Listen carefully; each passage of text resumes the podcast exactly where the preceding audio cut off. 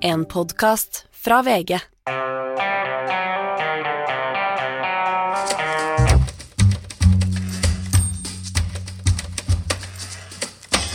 Det er vinter, det er snø, og det er lørdag. Og det betyr at det er klart for eh, mediebobler eh, igjen. Velkommen, Gard Steiro. Tusen takk, eh, Anders. Jeg har gledet meg til dette. jeg. Ja, det er, det er ukas høydepunkt for flere av oss, dette, dette her. Og forhåpentligvis også hyggelig for lytterne. Eh, Du, uh, siden vi satt her sammen sist for en uke siden, så har du gjort noe nytt og radikalt med kroppen din. Jeg vet ikke om det er så, ja, det er kanskje radikalt. Uh, Ja, hvis du si er ser radikalt. her på hånden min, Anders, så ser du et litt sånn Ja, det er et lite, det er en liten bulk på høyrehånden min. Og der har jeg satt inn en chip. Det er en sånn, det kalles en NFC-chip. Det står for Near Field Communication, eller noe sånt.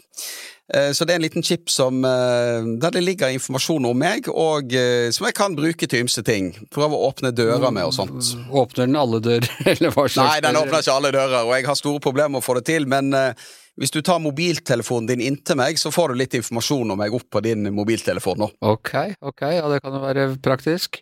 Men er dette, er dette å anbefale, Gard? Du er jo også et slags hva skal si, et slags forbilde i pressen. Vi er opptatt av hvordan influensere ikke skal drive og skryte av eh, at de tar eh, skjønnhetsoperasjoner og sånn, og her går du og planter en chip i kroppen.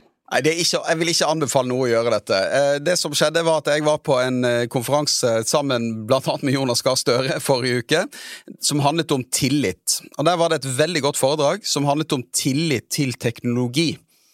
Eh, og der fikk vi spørsmål om, du, måte om, om det å sette inn en chip i, i kroppen. Er det noe Har folk såpass tillit til teknologien at de er villige til å gjøre det? Eh, og det var jeg i utgangspunktet veldig skeptisk til, selv om du nå kan sette inn chipper der du, som kan erstatte bankkortet ditt og gjøre veldig mye for deg. Men dette er liksom, dette er lavest på chipstigen, og dette er det, det, det, det er det minste du kan ta inn. Det er ikke noen radiosender inn i det hele tatt. Men jeg traff en veldig hyggelig kvinne som het Ragna, som kom fra Bleik på Andøya. Hun hadde Halve håret hennes var rosa, den andre halvdelen var turkis. Og eh, hun fikk jeg veldig tillit til. Så hun uh, satte en liten sånn uh, liten sprøyte, og så fikk jeg inn dette riskornet i hånden. Og så er det som et eksperiment der jeg skal teste dette og se om det kan fungere. Og vi som jobber i mediene, vi må jo være Vi må teste ny teknologi og teste hvordan det fungerer. Så nå prøver jeg dette, og så eh, hvis jeg klarer å få det til å fungere som adgangsfort i VG, så eh, har jo jeg gjort hverdagen min mye enklere. Altså, dette høres ut som begynnelsen på en Black Mirror-episode. Det, det er det. Men heldigvis, og dette sjekket jeg grundig, den er ikke produsert av noe Den er ikke russisk produsert. Den har ingen radiosender i, så vidt jeg, så vidt jeg vet. Det, men det aller viktigste, jeg kan ta den ut sjøl hjemme. Jeg trenger ikke å oppsøke verken Ragna eller en lege for å få den ut. Jeg kan bare ta den ut. Altså Her merker jeg aldersforskjellen på, på oss, uh, Guide. Altså, og jeg, jeg, jeg føler jeg er villig. Jeg lar Fitbit eh, fått, tilgang til Google og dele alle dataene mine og sånne ting.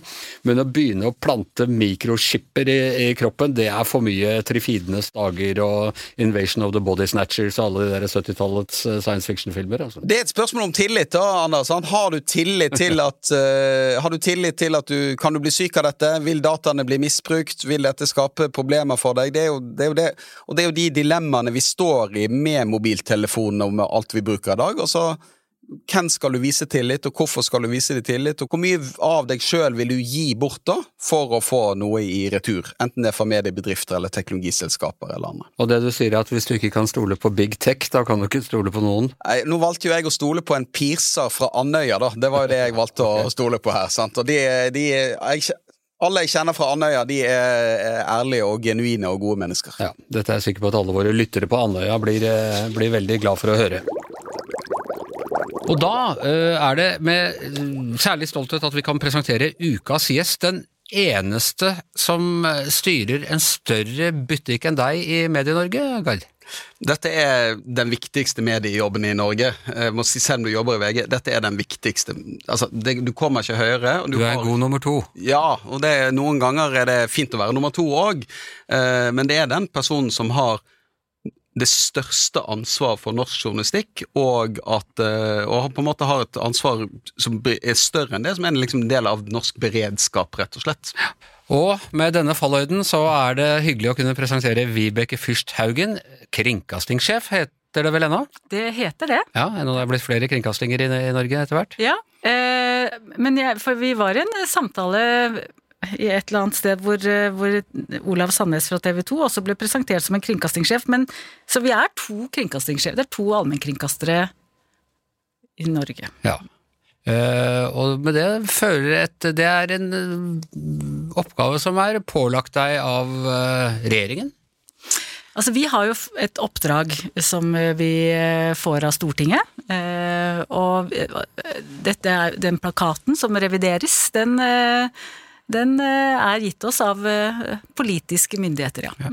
Og hvordan, eh, Du er jo da gammel journalist, og hvordan føles det å være statsutnevnt redaktør? Altså, Vi er jo veldig opptatt av den armlengdes avstand. og så kommer vi jo stadig tilbake til det at når kulturministeren er generalforsamlingen, så, så kan man jo diskutere eh, den uavhengigheten, men jeg opplever at det er veldig ryddig, det samarbeidet vi har, og forståelsen for vårt helt særegne oppdrag. Og at det ikke er noe utidig innblanding. Eh, så den uavhengigheten, den har vi.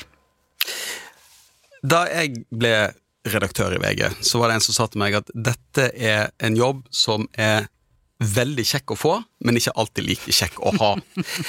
eh, og jeg har jo tenkt på deg flere ganger det, det, siste, det siste året, fordi at du har havnet i to saker som tenkte at dette har vært vanskelig. Den ene saken du måtte ut og forsvare, uh, det var jo da NRK gikk inn og satset på en podkast med Sofie Elise Isaksen, som skapte veldig mye debatt. Uh, og så det andre er denne Bamsegutt-saken. Så tenker jeg, Vi går ikke inn i sakene, fordi at de skal, den ene skal behandles av PFU. Det jeg er mest interessert i, er du som medieleder, som leder journalister som er veldig kritiske. Mm.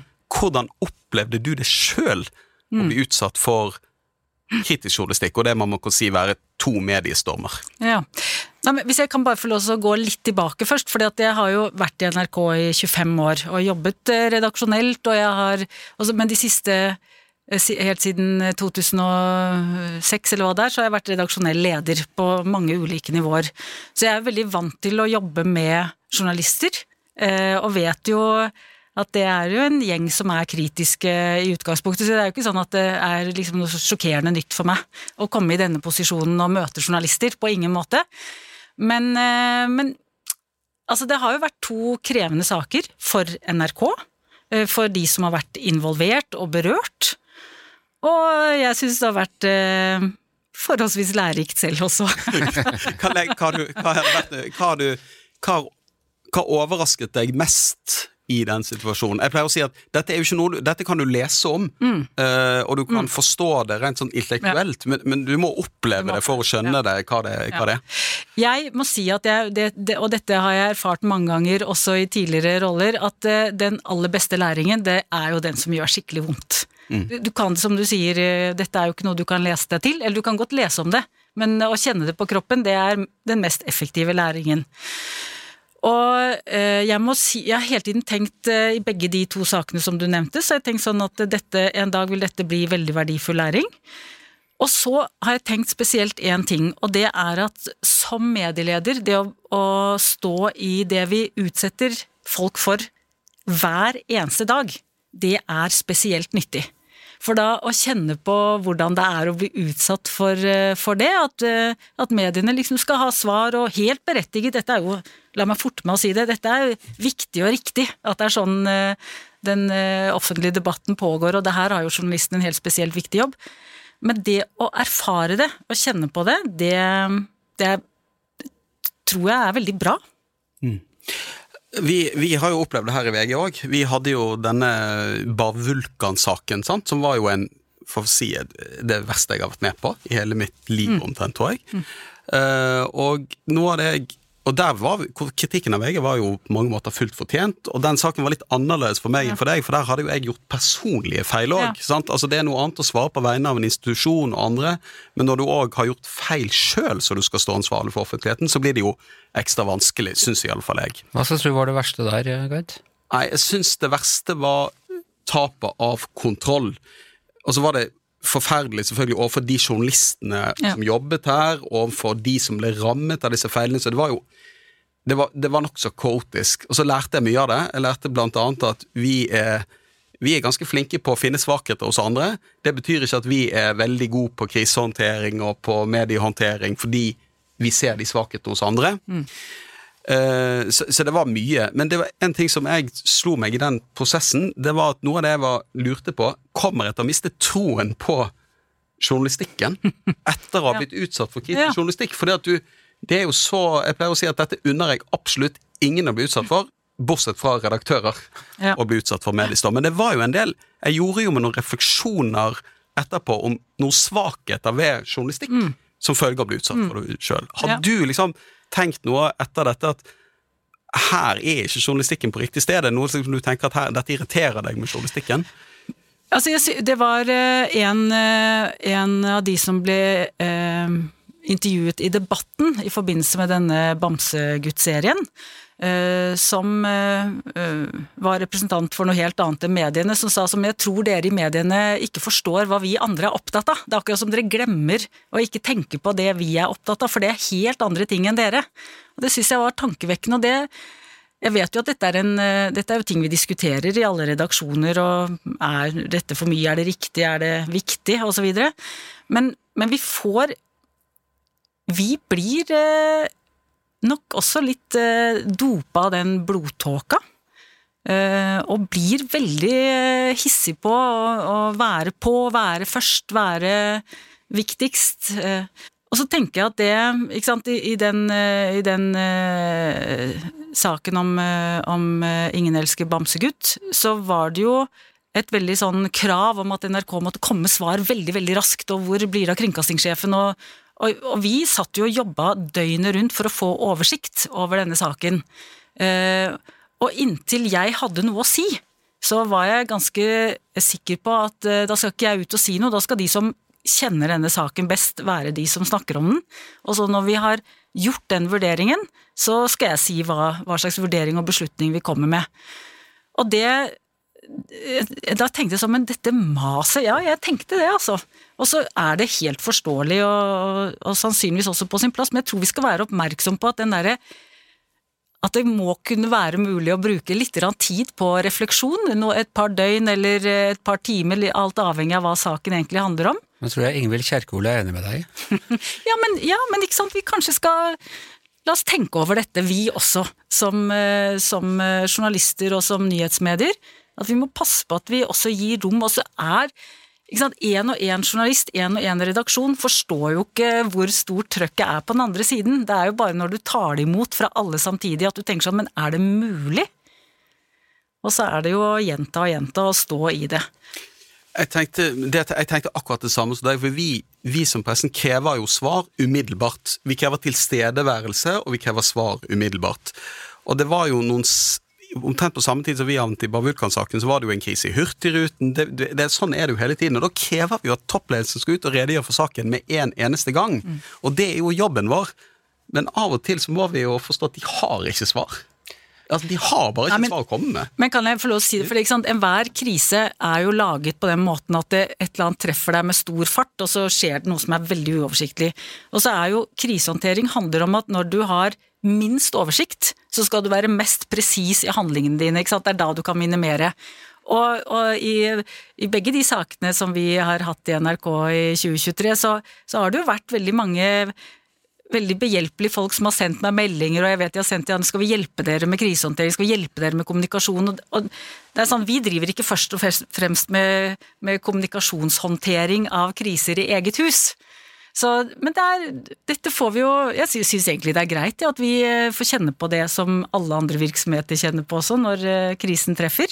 Eh, Et annet spørsmål til deg. Når, det jo, når du havner i en, eh, en sånn situasjon der det, der det har gått galt, så skal alle på.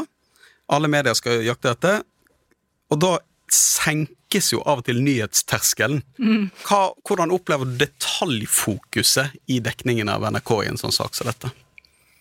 Tenker du da spesielt på fra egne journalister? ja, eller fra alle? andre. Altså, det blir jo altså det, det jeg tenker på, er og dette var fordi at alle skal jakte et poeng. Mm, Og klarer man da å skille det som er vesentlig, fra det som bare er et, en detalj? Ja, altså nei når, det er, når, man, eh, når man kjenner at her er det mulighet for noen feite overskrifter, så, så ser det ut som det går litt fort i svingene både her og der. Eh, og jeg vet jo at mange har vært overrasket over at eh, vår, altså NRKs egne nyhetsjournalister eh, kjører jo på som bare det. Så vi snakker jo en del om at vi ikke nødvendigvis skal være ledende på kritisk journalistikk mot oss selv, men det er klart vi skal dekke og være kritiske mot det som foregår i NRK også, det skulle jo bare mangle. Men nei, det er, det, det, det er et eller annet som treffer oss når vi ser at her er det mulighet for noe litt eh, feite overskrifter. Men når du blir grillet av Fredrik Solvang Mm. og Ingrid Stenvold, som er liksom av de mest skarpskårne journalister på akkurat den Ja. eh, disiplinen, hvordan opplever du? Får du lyst til å si at eh, dette her skal du få merke på neste lønnsutbetaling? Nei, jeg gjør faktisk ikke det, altså. Selv om, eh, selv om eh, Jeg må jo innrømme at jeg ble over... Altså, jeg vet jo ikke hva jeg skal bli spurt om. Ikke sant? Jeg går jo i det studio og vet, jo hva saken handler om. Men jeg vet jo ikke spørs, hvilke spørsmål jeg skal få. Vet ikke hva slags innledning jeg skal få, så jeg ble jo det har vel vært eh, behørig dokumentert at jeg ble ganske overrasket eh, i den debattensendingen. Eh, Men jeg syns jo at de to du nevner der, er jo våre, blant våre aller beste journalister. Skarpskodde, veldig bra, bra programledere, debattledere. Eh, Og jeg må si at jeg er veldig glad for at vi i NRK også dekker eh, dekker egne kriser på den måten vi gjør. Noe annet ville vært veldig veldig rart. Og så har jeg opplevd når eh, journalister fra andre medier kommer til meg og sier men visste du ikke det, kunne du ikke bestemme det? Altså, det som, om, som om det er jeg som styrer hva vi skal snakke om på nyhetene hver dag. Det er det altså ikke. De to sakene de er veldig ulike. Ja. Veldig, veldig ulike. Uh, og jeg har gjerne lyst til å bare spørre deg. Begge har nok påvirket folks syn på NRK.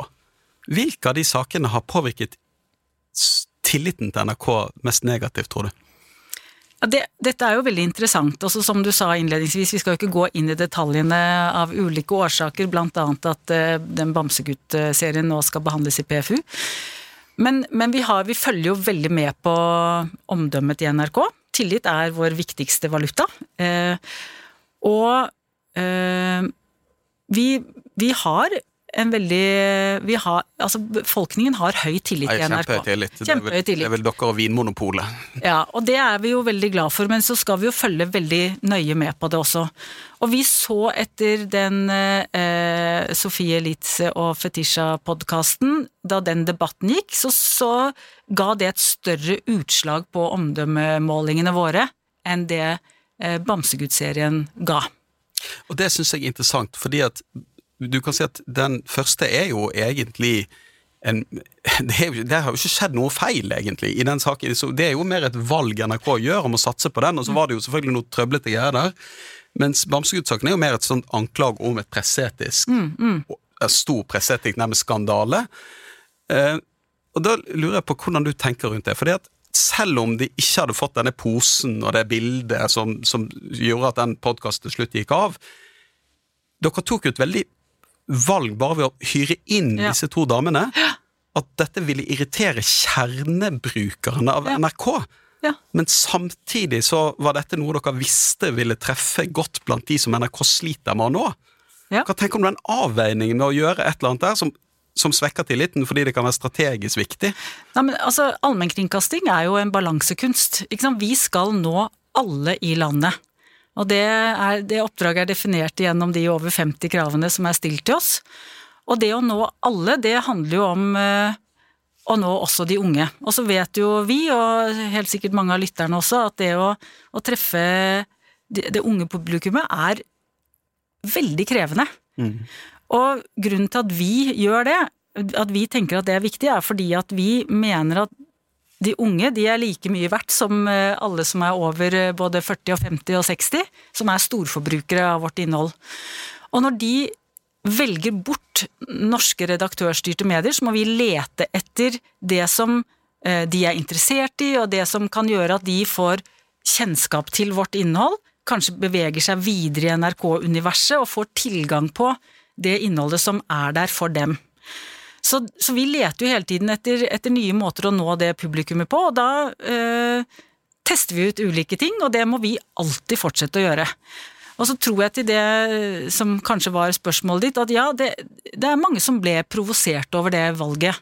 Og det, det så vi også.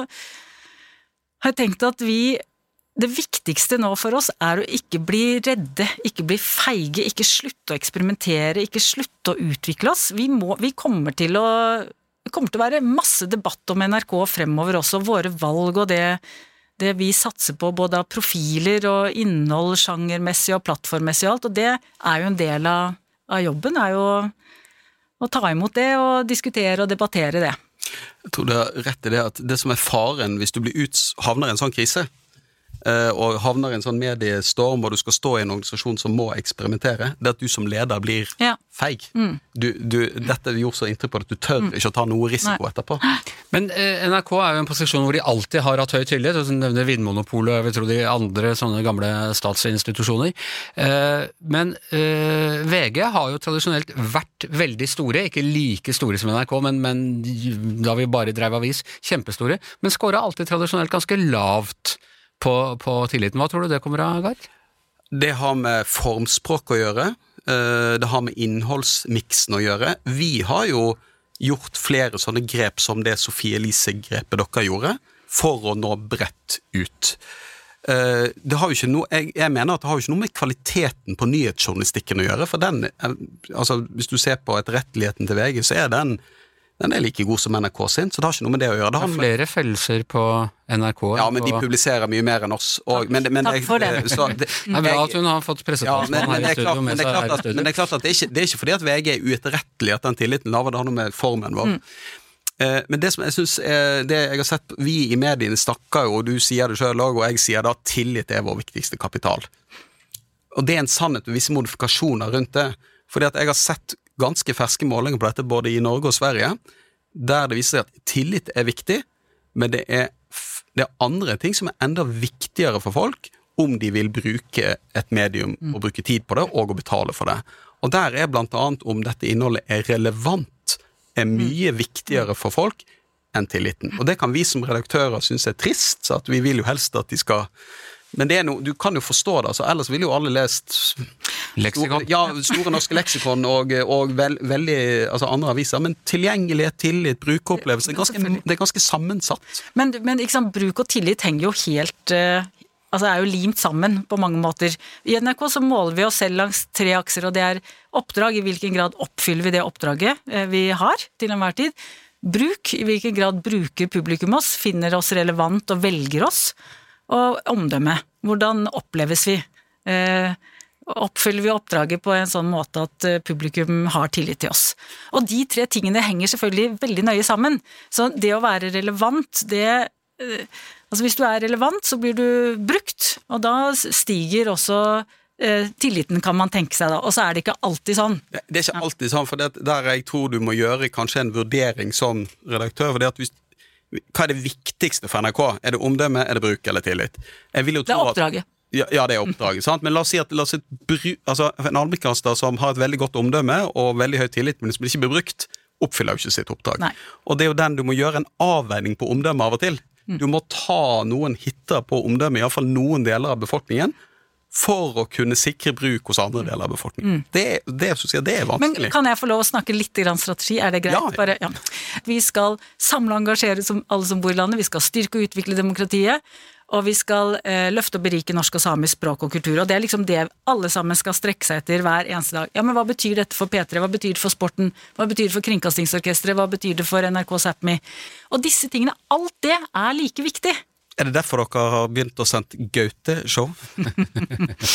ja, fordi at humor Humor er noe som alle unge beskriver som det absolutt viktigste. Det er liksom uavhengig av om de er så gamle eller så gamle, om de er uh, hvor de kommer fra og hva slags kjønn de har, så beskriver folk at humor er viktig. Ja, På vei inn her så traff du eh, Tore Sagen og Harald Eia, to avhoppere som nå jobber i det private næringsliv. Samtidig så har, vi, har eh, NRK fyller på i bånn. Bare høre på en eh, vits her fra Nytt på Nytt for en uke eller to siden. Det er mye fælt. Ja, det har vært en eh, hard jul for menn. Mm. menn. Det har rett og slett vært mye partnerdrap. Eh, Fire stykker som har, som har dødd. Det, begynner, altså det er veldig mange damer som dør nå.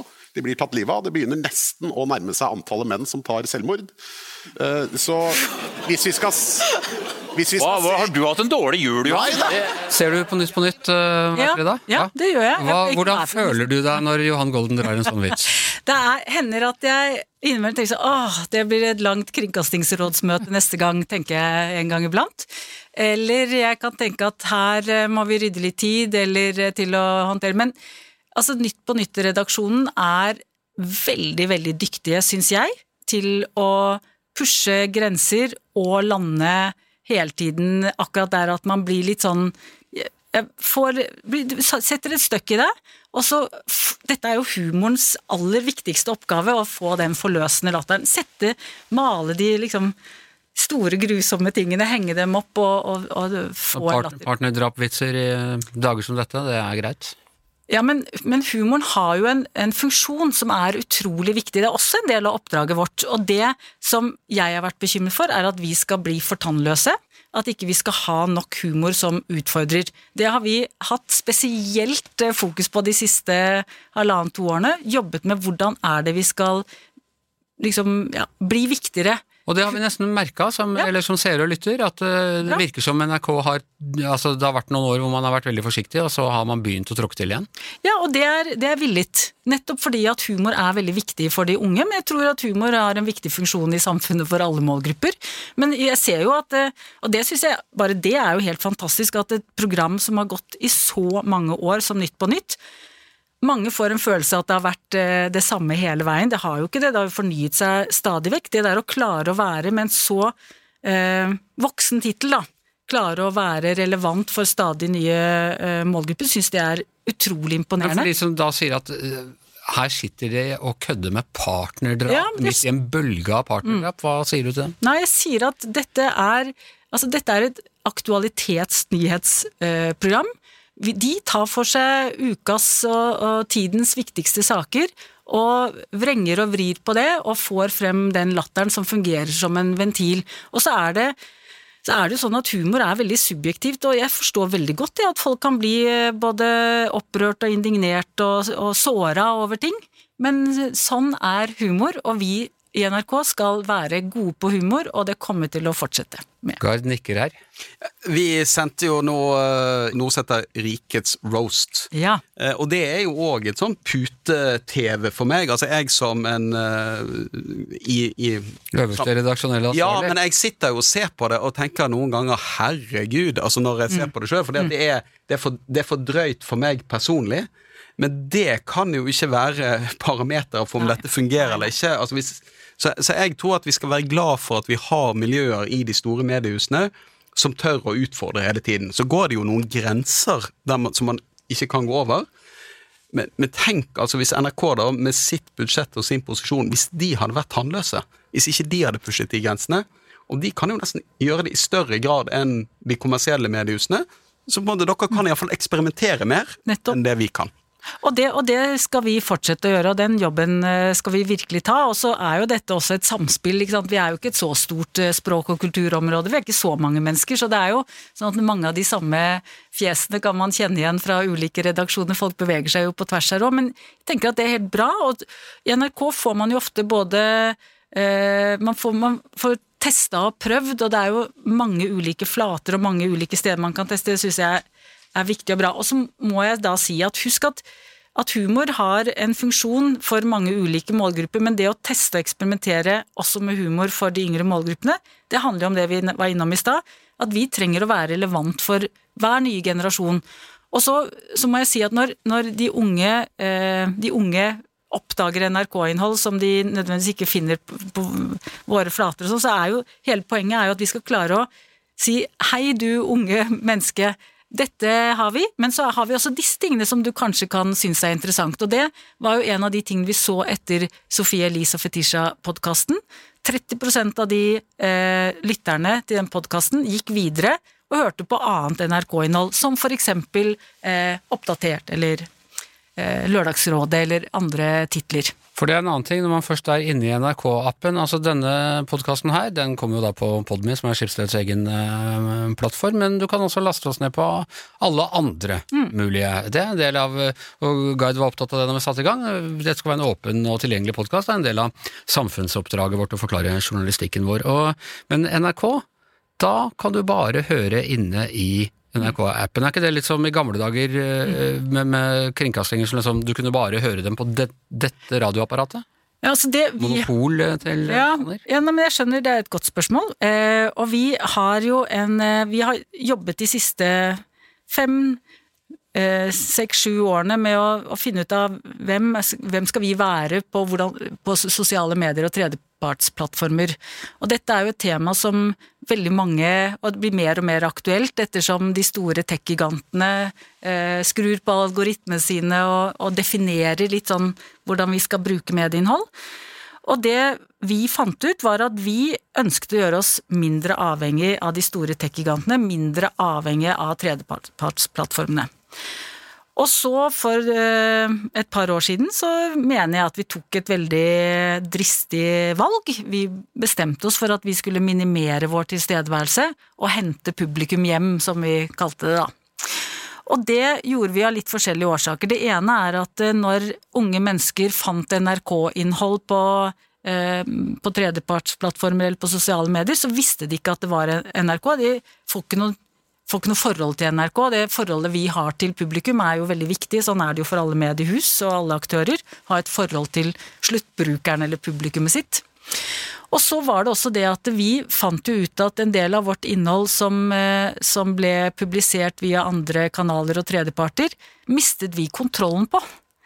Så det for oss å ha eh, full redaksjonell styring og ha muligheten til å liksom vise hele bredden og være i direkte dialog med vårt publikum, det er viktig, og derfor har vi tatt det valget. Og så er det ikke så mange andre enn oss som har tatt det valget. Fordi det fremstår som noen vil si idiotisk, noen vil si naivt, noen vil si at det er veldig modig. I sommer så traff jeg alle Europas medietilsyn, hadde konferanse her i Oslo. Og jeg fortalte om at dette er vår strategi, og de trodde ikke sine egne ører. De sa sånn, men det går vel ikke, hvordan skal NRK kunne konkurrere med TikTok f.eks. Og vi kommer jo aldri til å konkurrere med disse, kunne konkurrere med disse når det kommer til ressurser og, og muligheter, men det vi tror er at vi kjenner det norske publikummet eh, bedre enn mange andre, mange av de andre store eh, aktørene. Og vi vil teste ut dette. Og så har vi også lyst til, når vi får læring fra dette, vil vi veldig gjerne dele det med alle andre norske aktører. For jeg tror at her må vi som er norske redaktørstyrte medier, vi må samarbeide mye mer, for vi har ikke sjans i havet hver for oss til å ta opp kampen mot de store der ute. Og derfor er dette en strategi vi har, altså Det er ikke derfor vi har valgt en strategi, men vi har valgt den strategien, og den vil vi gjerne dele. Og så har det vært utrolig spennende å se om vi klarte, som det lille annerledeslandet vi er, å ta noen eh, litt andre og modigere grep, og ikke gi opp, fordi at eh, vi, vi tenker at vi skal vi skal teste, og, og vi ser jo at ja, det er noe trafikk vi mister, men vi klarer også å hente publikum hjem. Ja, nå må jeg ile til å si at vi har jo en del podkaster bak mur, vi òg, men plattformen vår kan brukes til å høre alle mulige podkaster, så vi risikerer jo liksom å miste lytterne våre eh, til andre når de er inne på Podme-appen. Ja, det, det, det, gjør man, men det, det, viktigste som ble sagt der, tror jeg, det er at uh, for et lite språkområde som Norge, og et lite land, med relativt få store redaksjoner, egentlig, så må vi passe på at vi ikke havner i samme situasjon som man har gjort i en del andre land, der relasjonen mellom mediebrukerne og mediene er vekke.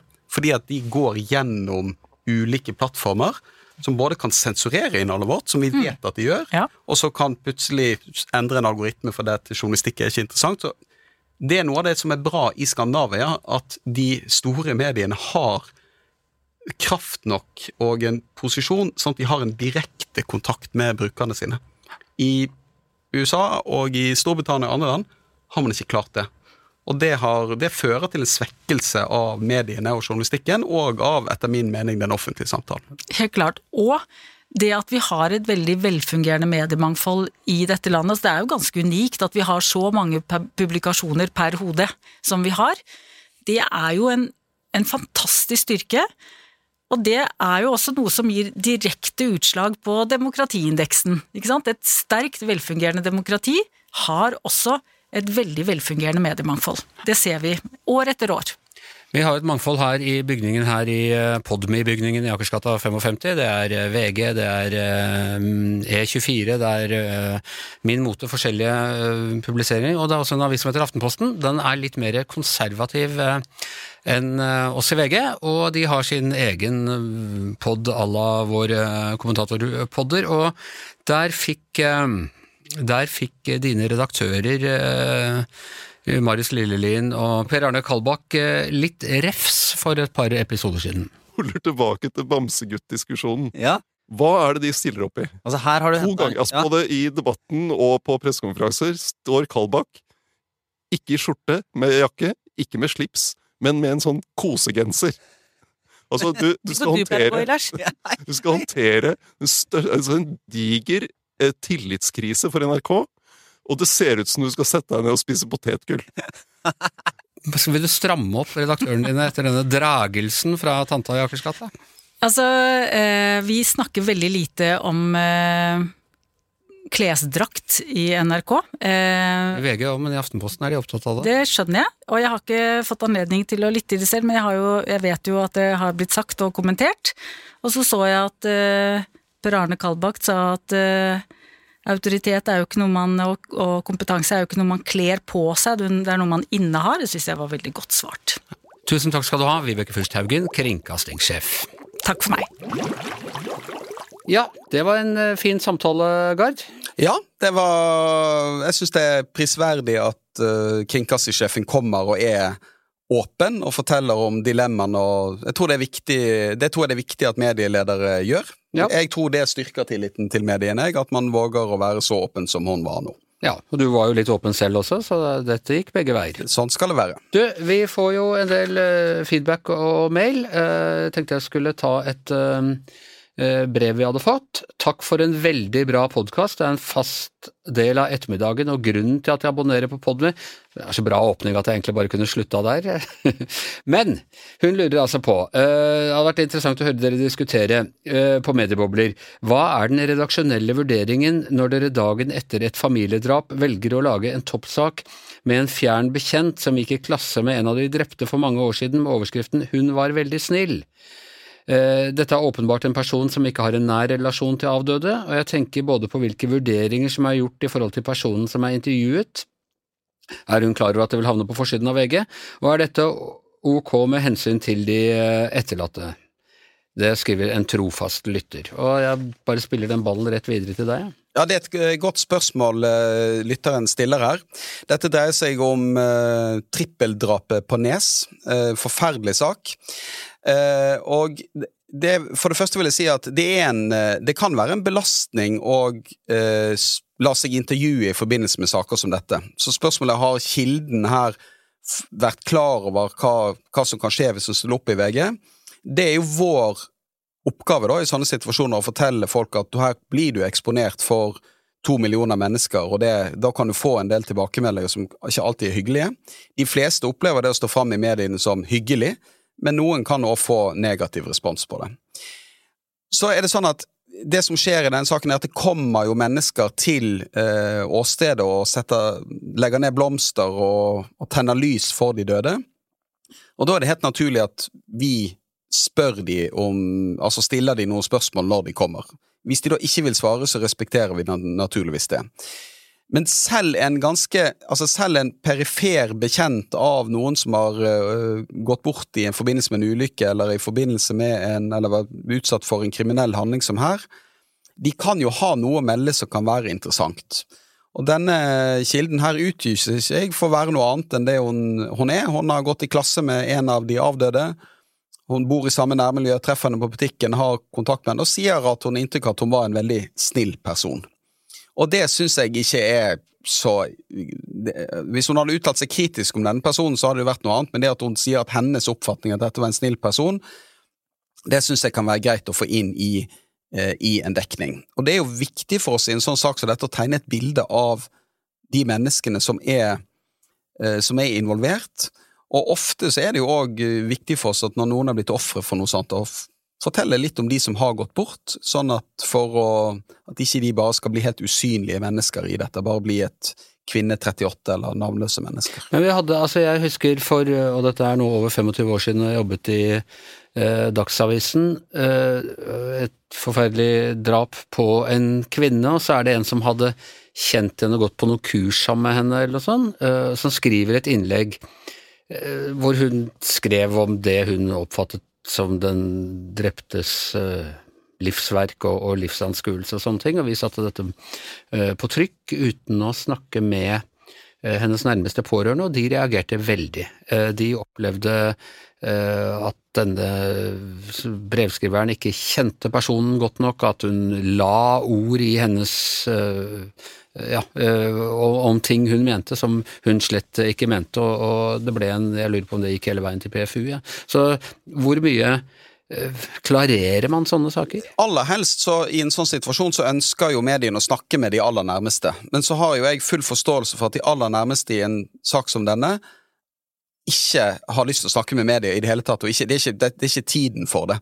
Og vi ønsker jo heller ikke å prøver nesten å ta kontakt med dem. Vi, vi, går jo via mellompersoner og sånt, så jo, vi kan nesten ikke ringe de og spørre om de, hva de syns om denne uttalelsen. Så der må vi jo gjøre helt selvstendige vurderinger.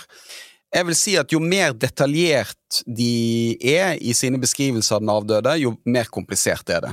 Det å si at jeg oppfattet dette som en vanlig og hyggelig familie, det syns jeg er temmelig ufarlig å publisere. Men når du går inn og snakker om intensjon og hva de har gjort, og sånt, da er du jo er det på mye tynnere is. Det, så det er vi jo forsiktige med. Men i denne saken så handler det altså om en tidligere klassevenninne og som bor i samme lokalsamfunn, og som åpenbart er på hils og kjenner noen eh, litt, selv om det ikke er en nær venn, som velger å gå bort til åstedet, tenne et lys, Lars Gabel sier at, eh, og er i sorg og sier at jeg oppfattet denne personen som Slik jeg kjente henne, oppfattet hun som veldig snill. Jeg syns ikke det er en uf, veldig ufarlig det er ikke en veldig farlig opplysning å sette på å publisere, syns jeg. Ok, eh, jeg ser den, og da har vel lytteren fått et eh, ganske grundig svar også. Helt før vi runder av, uh, du og jeg vi følger, og en rekke andre, har fulgt med på denne mørke vinteren, Fargo uh, sesong fem. Ja, det har vært et lys, lys Jeg vil si at Å si, kalle den serien et lyspunkt, det vil, er litt tungt, men det er noe av det beste jeg har sett noen gang, tror jeg. Ja, jeg er også sånn helt dette helt tilbake til Sopranos, da liksom TV-serien ble revolusjonert for, for over 20 år siden. Fantastiske skuespillere, og plott og spennende. og og fylt av detaljer. Ja, det er helt, og, og, ja, og det sier ja, Det er jo en historie som, ikke, som, er mye større enn den de forteller. Sant? Dette handler jo om ja, Folk kan jo få tolke sjøl, men eh, Amerika. jeg har nå min tolkning av dette. Det er Amerika, og det er det moderne Amerika. Jeg ser han uh, Roy Tillman, altså han John Ham spiller jo en uh, ikke bare sympatisk sheriff der, som går til valg på A hard man for hard times. Og det, det sier vel sitt. Men de siste dagene kom Siste episode kom nå på eh, onsdag, ble den vel lagt ut her i, i Norge på morgenen, og så fikk ikke jeg sett før på torsdag kveld. Og da må jeg altså gå i eh, to dager og er redd for å møte kolleger som har sett den, for plutselig så kan det oppstå det vi inntil nå har kalt en spoiler alert. Dette, dette, er noe av det vi får ganske mange henvendelser om. Det er eh, Altså, da, da, alt ble sendt lineært på TV, så var dette ganske greit. Når noe var sendt, så var det sendt, og eh, da var det ikke mulig å se det etterpå, så da kunne man skrive om det med en gang. I strømmeverden så er det jo sånn at folk ser programmer på helt ulike tidspunkt. Og det vi ofte får tilbakemelding om, det er jo når vi skriver hvem har gått ut av Mesternes mester, hvem har vunnet i Skal vi danse, og så har folk da lagt opp en plan at de skal se dette på søndag, og så leser de det i VG på lørdag. Og det har liksom, Vi ønsker jo ikke å irritere folk, så hvis du ser på forsidene, så må vi jo ofte liksom ikke Vi kan ikke fortelle nyheten på førstesiden. du må gjemme den litt bort bak i saken, da, sånn at du ikke irriterer folk, eh, folk der. Og da har vi brukt ordet spoiler alert ofte, eller skrevet her NB spoilers ofte oppi artikkelen, sånn at folk skal, hvis de ikke vil vite hva som skjer, så må de slutte å lese, eh, slutte ja. å lese der. Og det er jo ikke noe norsk ord, og, og, eh, men ingen har tatt ansvar før denne uka, hvor VG, og det var vel i forbindelse med Farmen, tror jeg, skriver i overskriften Ops! Røpervarsku. Ja, røpevarsku. Eh, er det årets nyord, eller eh, er det ikke det? Eh, jeg personlig syns jeg det var ganske stilig, da. Altså, jeg, jeg likte det veldig godt sjøl. Men jeg er jo en tilårskommen mann, sant? så da vi diskuterte i det redaksjonen, så var det et litt sånn skille der, vil jeg si. At noen syntes dette var et, en fin fornorsking og et godt ord. Mens andre bare ristet på hodet og sa at dette forstår veldig mange ikke hva er for noe. Er det noen som forstår hva et varsku er, og hvorfor kaller ikke bare spoiler, som er selv med et engelsk ord, et helt innarbeidet uttrykk. Ja. Man kan jo spoiler og spolerer er jo for så vidt eh, beslektede, så man kunne ha gjort det. Men jeg, jeg må si, men jeg er jo enda mer tilårskommen, jeg syns røpervarsku er kjempebra. Ja. Jeg får litt sånn eh, varsku her-følelse, at her faller et digert eh, tømmerhoggertre i, i, skogen, og nå er det bare å søke ja. dekning? Jeg er enig med deg i det, og så tenker jeg av og til så Noen ganger så skal vi være eh, ja, Noen ganger skal vi journalister bare gjøre det vi mener er riktig, og bruke de ordene vi mener er riktig. Og noen ganger så skal vi stille spørsmålet hva fungerer best for leserne våre. Og hvis spoiler fungerer best for leserne våre, de ikke forstår hva røpevasku er, så tror jeg vi skal velge spoiler. Men hvis de i likhet med oss liker røpevasku, så skal vi jammen innarbeide det som en del av VGs språknorm. Ja. Og jeg personlig har, eh, gjør det til min, eh, en del av min oppgave å prøve å innarbeide dette, med den lille innflytelsen jeg har gjennom denne podkasten og, Giæver og gjengen. Eh, som for øvrig da er over for denne uka. Tusen takk til Vibeke Fyrsthaugen. Tusen takk til Gard Steiro. Eh, jeg heter Anders Giæver, og vår produsent er røpervarsku Magne Antonsen.